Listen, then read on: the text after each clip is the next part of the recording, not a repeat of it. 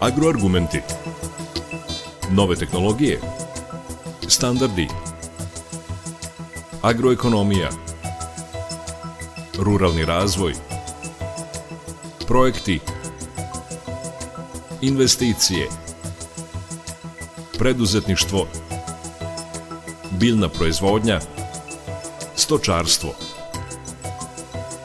Agroargumenti. Uređuje Đorđe Simović.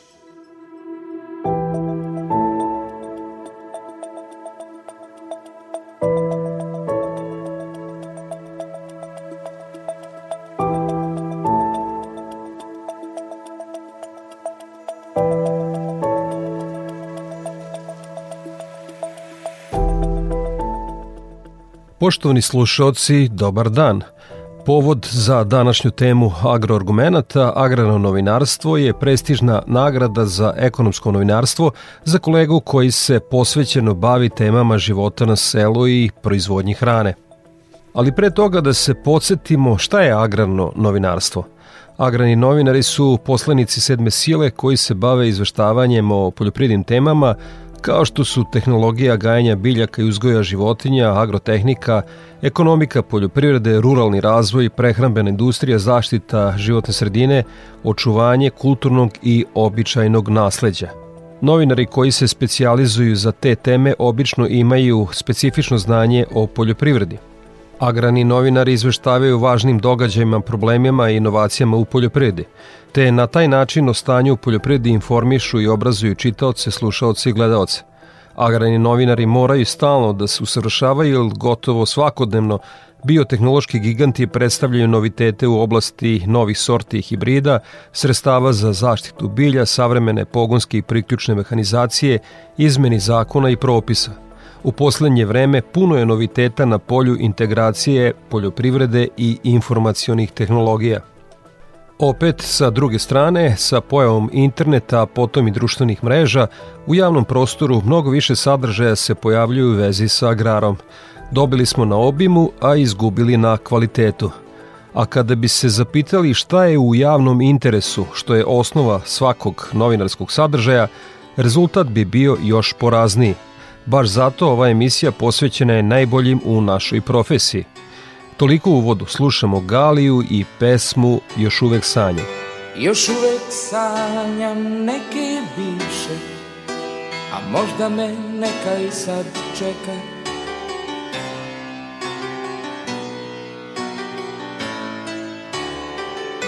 Još uvek ih pamtim po nekim ljudima, po mestima i čvrstim grudima.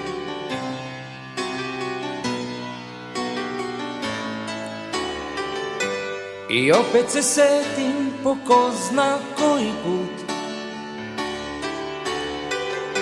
Zašto te onda nisam smeo A onda mislim ako te ponovo budem sreo Zašto te onda nisam hteo? Još uvek sanjam neke bivše A možda me neka i sad čeka.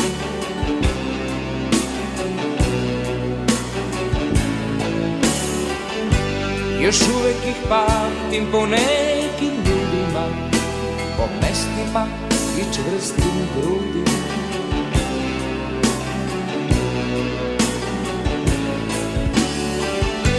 I opet se pitam po ko zna koji put. Zašto te onda nisam sreo? A onda mislim ako te ponovo budem sreo. Ako te ponovo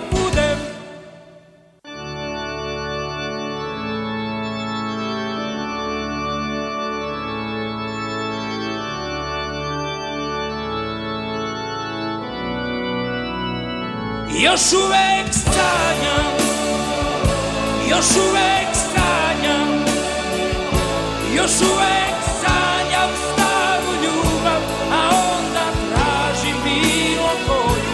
Još uvek sanjam Još uvek sanjam Još uvek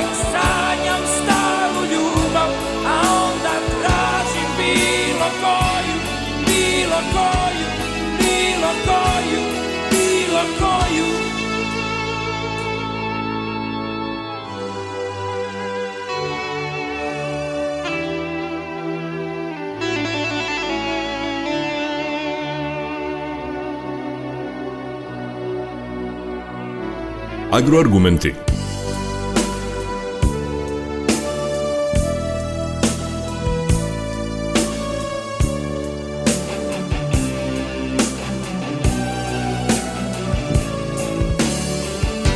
I opet se pitam po ko zna koji put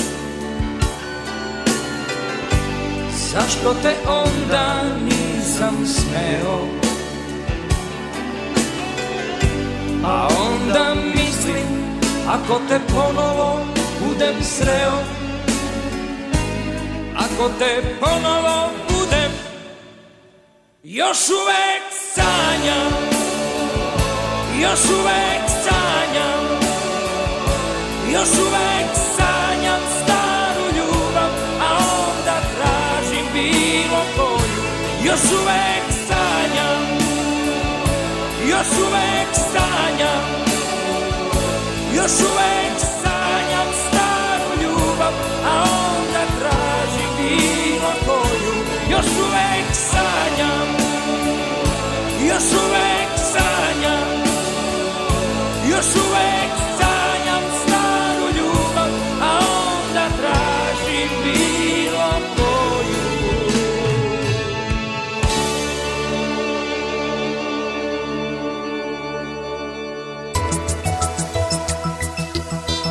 Agroargumenti. Nedavno je Nacionalna alijansa za lokalni ekonomski razvoj NALED predstavila najnoviju sivu knjigu koja sadrži najznačajnije preporuke privredi, lokalnim samoupravama i organizacijama civilnog društva za otklanjanje administrativnih prepreka poslovanju u Srbiji i predstavlja jedan od ključnih dokumenata kojim se rukovode državne institucije u planiranju i sprovođenju regulatornih reformi. Kroz sivu knjigu prošlo je više od 320 jedinstvenih inicijativa, od kojih je polovina rešena. Na manifestaciji na kojoj je predstavljena siva knjiga dodeljene su tri nagrade za ekonomske novinare, među kojima se ove godine našao kolega Ivan Jovanović sa Radio Beograda, koji redovno obrađuje teme u vezi sa poljoprivredom. Šef jedinice za odnose sa javnošću Naleda, Ivan Radak, obrazlaže dodelu te nagrade. Ivan Jovanović, novinar e, ekonomske rubrike Radio Beograda 1. On je zaista to priznanje zaslužio reći jednu zanimljivu stvar. On je, ja mislim, novinar koji je najčešće pratio aktivnosti naleda i bio na našim događajima, dakle on je neko ko je redovan gost na našim konferencijama i to zaista vrednujemo, a osim toga vrednujemo i to što je on sa tih događaja i zaista izveštava na jednom vrlo visokom profesionalnom nivou. Ono za što mu odajemo priznanje jeste i što se izuzetno dobro snašao i, i e, zaista vrhunski pokrio ra, veoma različit e, dijapazon tema kojima se nalaz bavi. Dakle, od sive ekonomije preko javnih nabavki, uh, unapređenja uslova poslovanja za, uh, i uslova za investiranje, dakle, brojne, brojne različite teme je uspeo da, da, da zaista na, na, na, na jedan vrlo visoko profesionalan način izvesti i to je nešto što treba ceniti, to nije lako u današnje vreme jer zaista je e, ekonomsko novinarstvo e, jedno od izazovnijih područja i nema mnogo dobrih novinara nažalost u ovoj sferi i zbog toga i ovi koji postoje i koji odlično rade e, za njih treba da se zna i treba im odati zaista da treba im dati i aplauz i čestitati na onome što su do sada uradili. Ivan Jovanović jedan je od vrhunskih ekonomskih pa i agrarnih novinara, prepoznatljiv po prilozima u emisiji Nedeljom za selo i novosti na Radio Beogradu. Dodeljeno priznanje najbolje povod za intervju sa njim.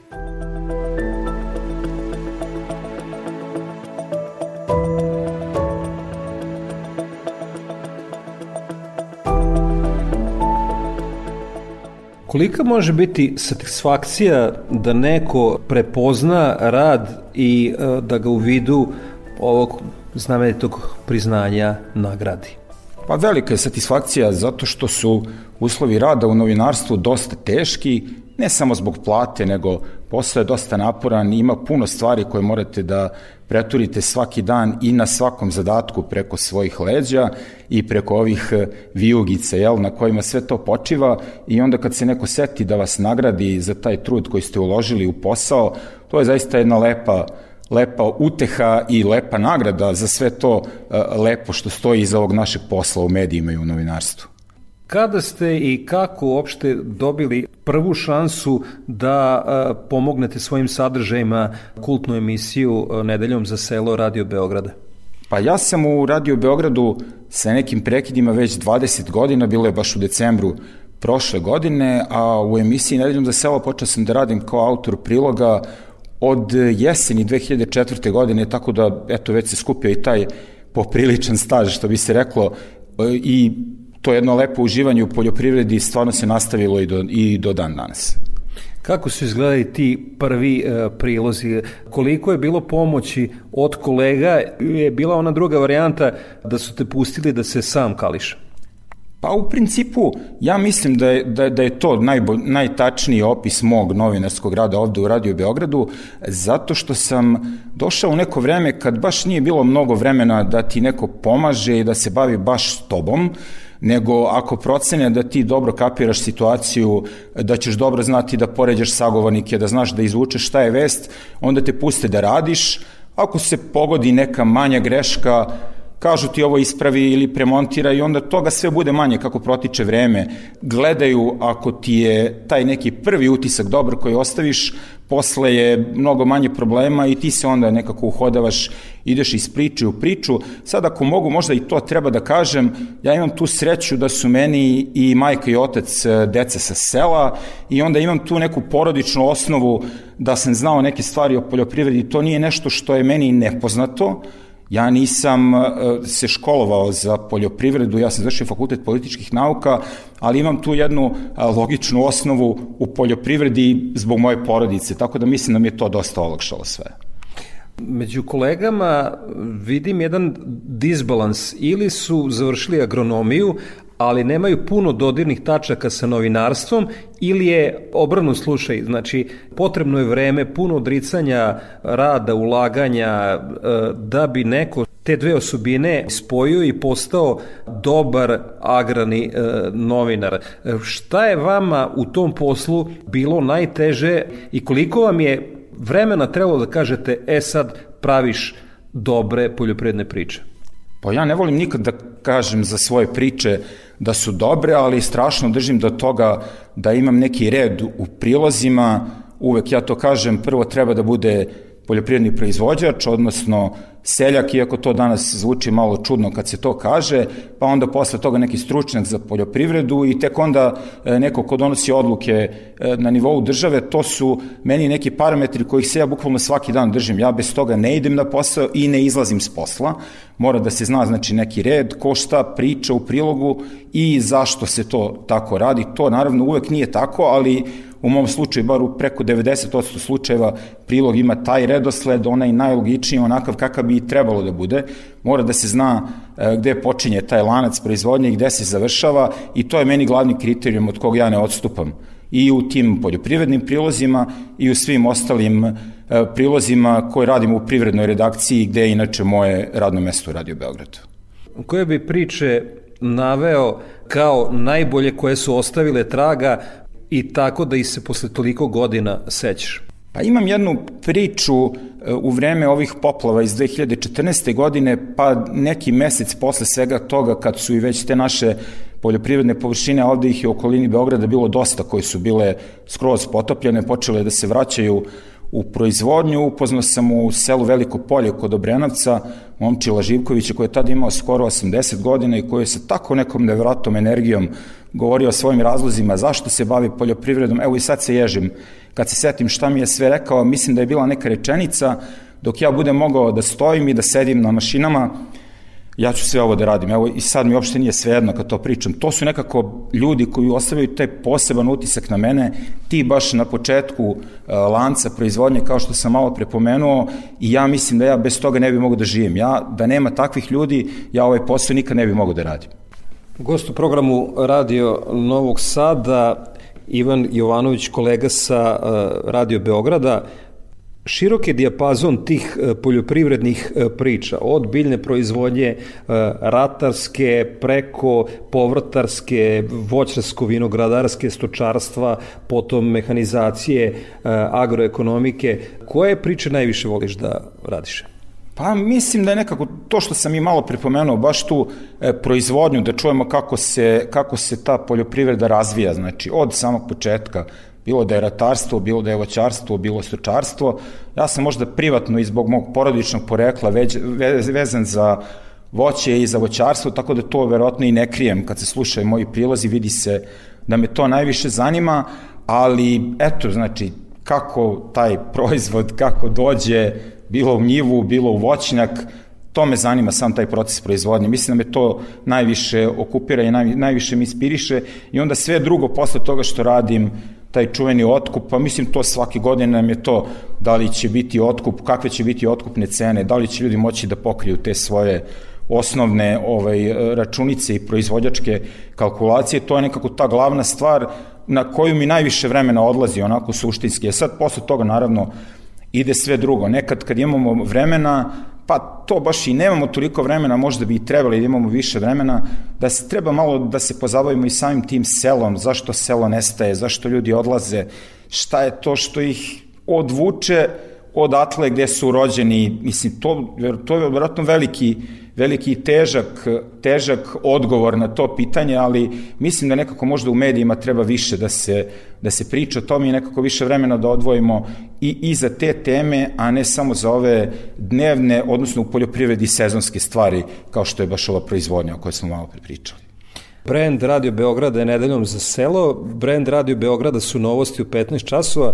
Da li ljudi na terenu prepoznaju glas i kažu, ja poslušam vaše priloge?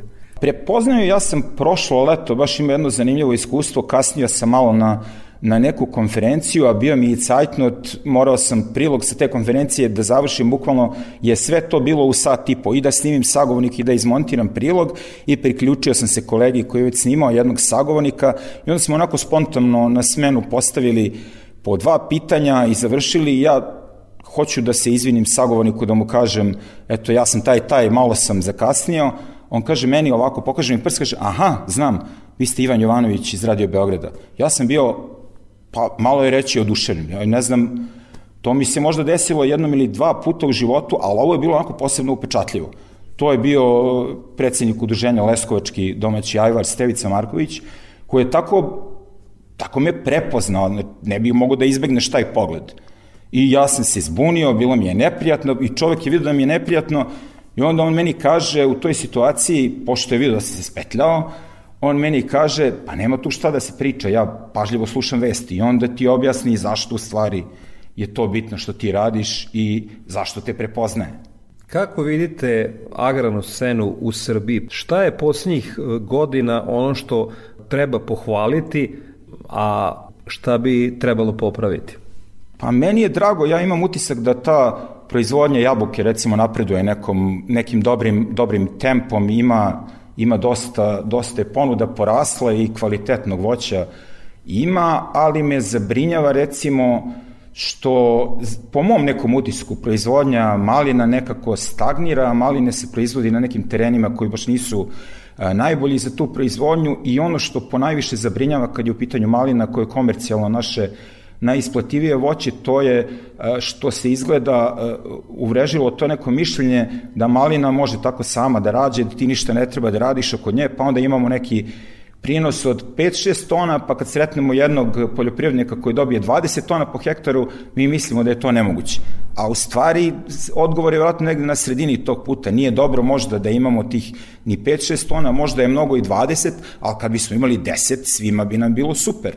Znači, treba malo više da se radi, malo više da se otvore vrata za ljude koji znaju kako treba da se organizuje ta proizvodnja kako treba da se obradi to zemljište, čime treba da se prska, da li treba da se prska ako neko baš hoće ovu organsku, organsku malinu, svakako treba, treba napraviti te neke e, tokove da nauka dobije svoje mesto koje zaslužuje. Ja mislim da bi to mnogo olakšalo i nama kao zemlji koja pokušava da taj proizvod kao što je malina podigne na svetski nivo, da bi nam to mnogo značilo. Da prosto e, dobijemo sve što možemo od te voćke, a da se ne igramo sa tom voćarskom proizvodnjom. Tako je u voćarstvu, ali čini se da su najveći e, problemi u stočarskoj proizvodnji. Pa jeste, stočarstvo je onako bolna rana zato što e, bez stočarstva nema ni ratarstva, to smo svi učili koji smo nešto znali o poljoprivredi i onda mora sve da nas boli to koliko se smanjuje e, stočni fond, koliko su ljudi razočarani ambijentom za poslovanje u toj grani, ja stvarno ne znam šta to može da se promeni, neko će reći pa ne možemo baš tolike pare iz budžeta da uložimo u stočarstvo, ali šta je rešenje? Ne treba da uložimo ništa, pa treba da ostanemo bez toga, pa onda treba da uvozimo to, šta smo onda uradili? Ja stvarno ne znam, ali ako može tim ljudima ikako da se pomogne, trebalo bi im pomoći, ja ćemo svi koristi imati od toga, znači i ratari, i voćari, uz to stočarstvo, svi će da napreduju, svima će biti lakše. E sad, kažem, opet, možda treba da pitamo te neke pametne ljude koji su učili te škole da nam objasne koje su to greške, zašto je toliki sunovrat stočarstva. Ja nisam oduševljen uvozom e, koji zaista pritiska tu stočarsku proizvodnju poprilično u Srbiji, ali ovaj moramo nekako da sednemo za sto da vidimo šta je tu problem i zašto nam se sve to dešava. U poslednje vreme e, neredko mi se dešavalo, ne znam da li si ti imao tih primjera, da se od novinara očekuje da budu samo puki prenosioci e, informacija, dakle nije redak slučaj da mi nije uopšte dozvoljeno da sagovornicima postavljam pitanje, da sam prekidan u sred rečenice, koliko se danas uvažava pozicija novinara? Pa novinar je nekako između, između zemlje i neba u nekom vakum prostoru. Nekad kad se obratite nadležnim institucijama da su vam potrebni odgovori na neka pitanja, vi ćete prosto imati situaciju da ćete u roku od 5 minuta dobiti potvrdu može, a nekad ako se proceni da su ta pitanja koja ste vi najavili u tom trenutku baš nisu poželjna, nećete dobiti odgovor ni ne može, niti ćete, niti ćete dobiti odgovor može za tri dana ili pet dana, ostavit će vas prosto bez odgovora. To je recimo ta neprijatna situacija koja se meni dešava. Ja nisam imao te slučaje da mi neko ne dozvoljava da postavim pitanja, ali onda ako ne dobijem odgovor na neko pitanje, onda tražim priliku e, kada se ukaže, pa neka bude i neki drugi skroz povod, da postavim to pitanje koje me zanima. To verovatno neće naići na pretirano oduševljenje organizatora takvih konferencija, ali mi smo u prilici da moramo da se borimo za naše slušaoce, čitaoce ili gledalce, zavisi ko gde radi, e, na sve moguće načine, pa smo tako i dužni u javnom interesu da postavljamo pitanja kad god nam se ukaže prilika da to uradimo. I evo, pitanje za kraj, e, produkcija, to jest proizvodnja programa je e, sve jeftinija, tehnologije su sve dostupnije, međutim, e, u poslednje vreme se uz tradicionalne medije, dakle štampu, radio, televiziju, pojavili su se internet sajtovi, pa društvene mreže kojih je sve više i više. Zaradilo se, pričao da će ka pojesti televizija, pa se to nije desilo. Koliko je danas izazov pred radijom i gde vidite budućnost radija? Da li će radio opstati? Pa ja mislim da radio će opstati, ali nekako imam i tu neku viziju kako će on izgledati u budućnosti. Ja mislim da radio e, ne treba da se takmiči sa ovim masovnim medijima poput televizije u tim nekim visokopolitičkim pričama koje sad dobijaju najviše prostora u tim medijima. Ja mislim da je poljoprivreda recimo jedna od šansi radija, da radio treba detaljno i dobro da se bavi poljoprivredom i da će to publika znati da prepozna. Mislim da ovi e, veliki mediji sa velikom publikom kao što su televizije ili društvene mreže, ja stvarno ne znam da li takva neka priča iz života običnih ljudi kao što je poljoprivreda može da dobije prostor koji zaslužuju ti mediji, ali mislim da je radio mesto gde, gde takve priče treba da opstaju i da će imati svoju publiku i dalje. Nije to samo poljoprivreda, ja mislim da generalno sve ekonomske priče će imati mesta na radiju i ako budu zasnovane tom mojom logikom o kojem sam malo prigovorio da pratimo taj neki lanac, lanac kako stvari funkcionišu od proizvođača do potrošača, da se izrazimo opet jezikom poljoprivrede, da ćemo prosto imati prostora da na radio talasima i dalje plasiramo i te priče i ove, nadam se, u, buduć, u budućnosti valjda malo lepše da malo više čujemo da su se neki ljudi vratili na selo, da su pronašli tu za sebe neku šansu e, za budućnost, koliko god to možda sad izgleda neverovatno, ali ja se nadam da će takvih priča biti u budućnosti. Gost u programu e, Radio Novog Sada bio je novinar Radio Beograda Ivan Jovanović. Kolega, još jednom ti čestitam na naledovoj nagradi, otišla je u prave ruke. Hvala na pozivu i drago mi je što sam prvi put mogao da budem u nekoj emisiji na Radio Novom Sadu. E, mi smo ovaj komšije, što bi se reklo, kao medijski servisi i drago mi je da se podržavamo i pomažemo i na ovaj način. U nastavku agroargumenata o agrarnom novinarstvu govorit će dva novinara koje su u penziji, ali i tekako i danas predanim radom obogaćuju stranice štampe. Prvi je novinar, publicista i agrarni analitičar Branislav Gulan – Dobitnik je najvišeg priznanja Saveza novinara Srbije i Crne Gore Povelje za životno delo, kao i priznanja nagrade za životno delo Društva novinara Vojvodine. Bio je član Akademijskog odbora za selo Srpske akademije nauka i umetnosti u dva mandata od 2011. do 2019. godine, kao i član Naučnog društva ekonomista Srbije i nacionalnog tima za preporod sela Srbije.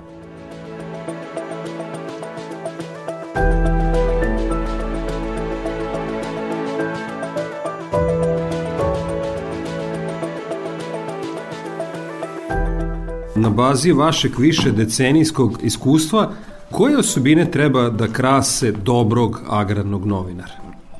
Pa osobine su prvo da se zaljubi pored dama da se zaljubi u poljoprivredu, da voli to što radi, nema veze, obrazovanje mora da ima, da se zaljubi u poljoprivredu i da voli to da radi. A to znači da kad se počne da se radi poljoprivreda, to je nešto što čoveka vuče iz dana u dan, svaki dan, od setve, od setve do žetve. Ja sam radio u borbi 20 godina, ostale sve novinarske poslove, bio sam dve godine dopisnik iz Vojvodine, posle sam bio u ekonomskoj rubrici u Beogradu i sve ostale. I dutili su mi šta ćeš da radiš, međutim poljoprivredu nije niko hteo da radi u to vreme kad sam se ja zaposlio da bude kao sramota je bilo biti seljački novinar.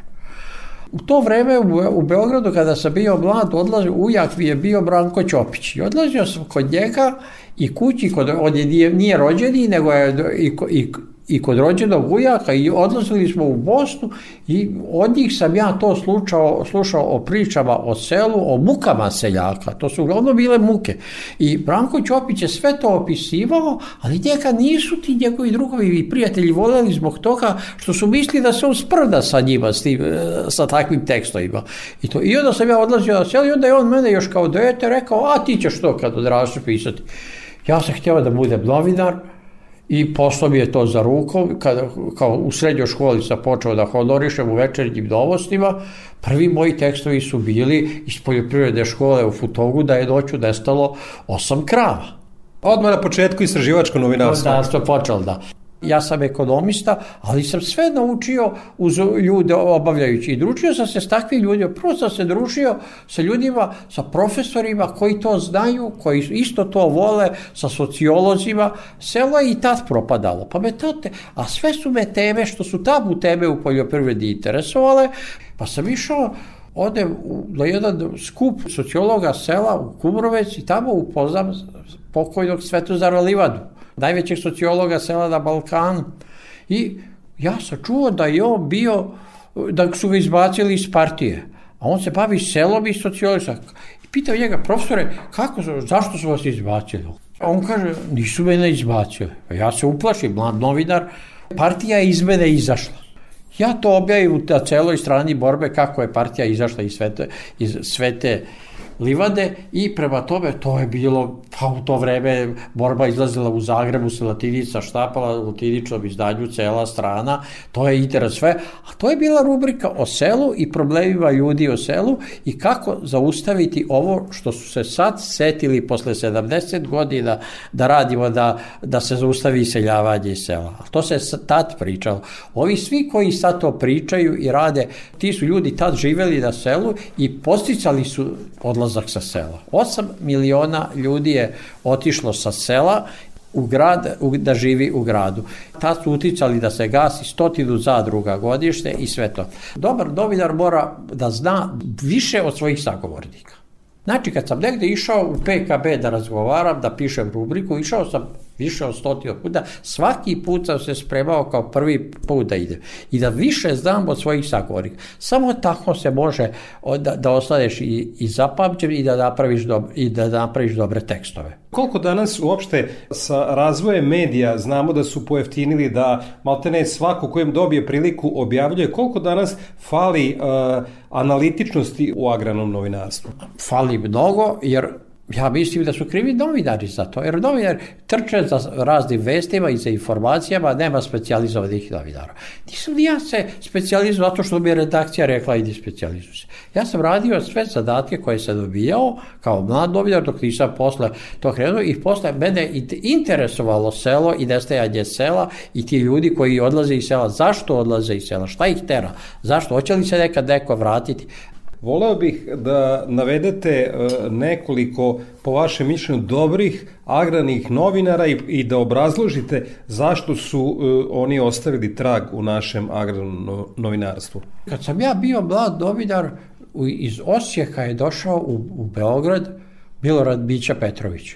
Stigo je do toga da bude urednik dnevnika RTS-a, da prvo Ali kažu da su to uglavnom postizali da takva mesta su dolazili oni koji se bavili agrarnim novinarstvom. Zaharije Trnavčević je bio, radio sve, ali on ostao veran da agrarnom novinarstvu.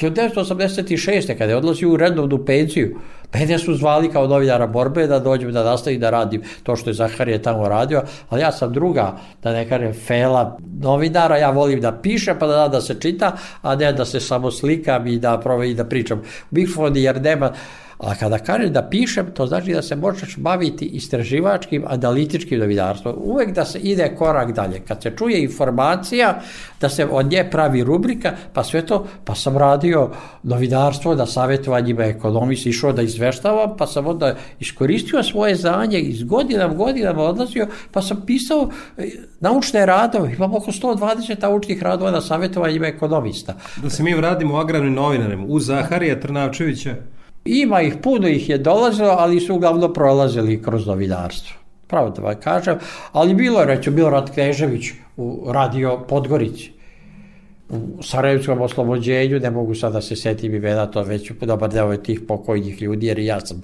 završio radni vek, pa sam tako da bio u lokalnim radiostanicama i, i lokalnim sredstvima informisanja je bilo po, po najviše i takvih ima i danas. I danas mislim da ima i više čak nego što je bilo nekada, jer zavisi koliko, ako opština prihvati da finansira sredstva informisanja, onda može da, da opstane i novine i radio i sve ostalo. ostalo, ali novinarstvo je danas skrenuto, nije na pravom putu, male su plate, novinari nemaju od čega da žive i prinuđeni su da svaštare.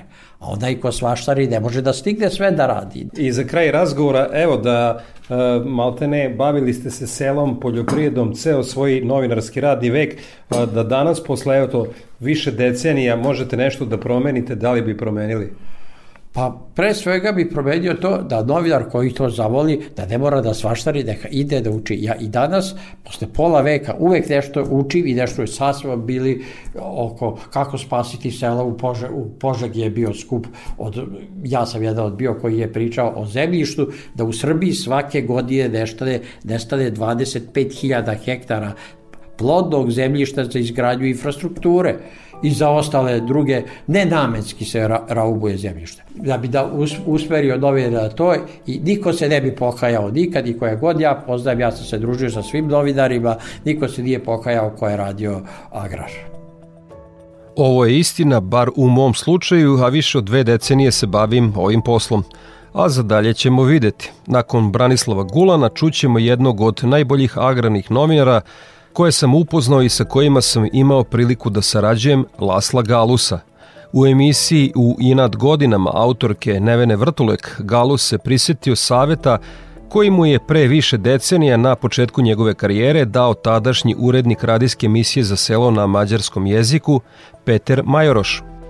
Izgradi vezu. Prvo sa sekretarom mesne zajednice. On će sve znati. Sarađuj sa direktorom škole, sarađuj sa sekretarom partije ako ima e, u selu i nemoj da zaboraviš zadruge, jer zadruga je nosilac e, svih akt, nekada je barem tako bilo, svih aktivnosti na selu. I ja mogu da sa zahvalnošću da se setim e, ovaj Majorošovi reči, pridržavajući njegovih, ajde da kažem, saveta, nikad ja nisam imao problema da intervjuišem Ja sa poljoprivredom imao sam neke blage veze, ali što se struke tiče, to morao sam da naučim. I kad sam ušao u te duboke vode, tek onda sam e, uvedao, isto kao pre 7-8 godina kad sam postao spiker, počeo sam da shvatim da ja ništa ne znam. E, i onda e, kupi ovo, kupi ono, čitaj ovo, čitaj ono i tako sam se, mogu ti reći, da dostigao jedan, ne da kažem zavidan nivo, ali jedan takav nivo stručnog znanja sa kojim sam mogao bez problema da komuniciram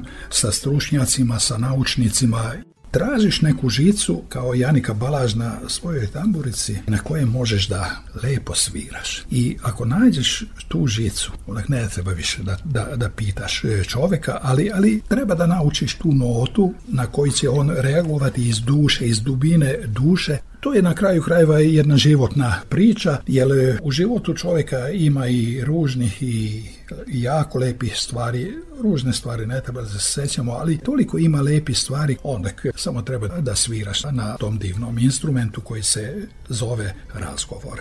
Davno je rečeno da pravi novinari nikada ne idu u penziju. Drugim rečima, iako su formalno u penziji, rade taj posao dogod mogu. Tako i Laslo Galus i dalje piše za časopis koji bi se u prevodu mogao nazvati Sejač, a podlistak je Mađar Soa. Od kako je u penziji napisao je knjige o salašima, potom o čobanima, a poslednja je posvećena izumitelju specijalne košnice Jožefu Tamašku iz Bogojeva. Toliko u današnjim agroargumentima. Za kraj emisije slušamo Lebi Sol i pesmu Ima jedno nešto – Ja sam Đorđe Simović i pozivam vas da ostanete uz Radio Novi Sad. Svako dobro. Velika je zemlja,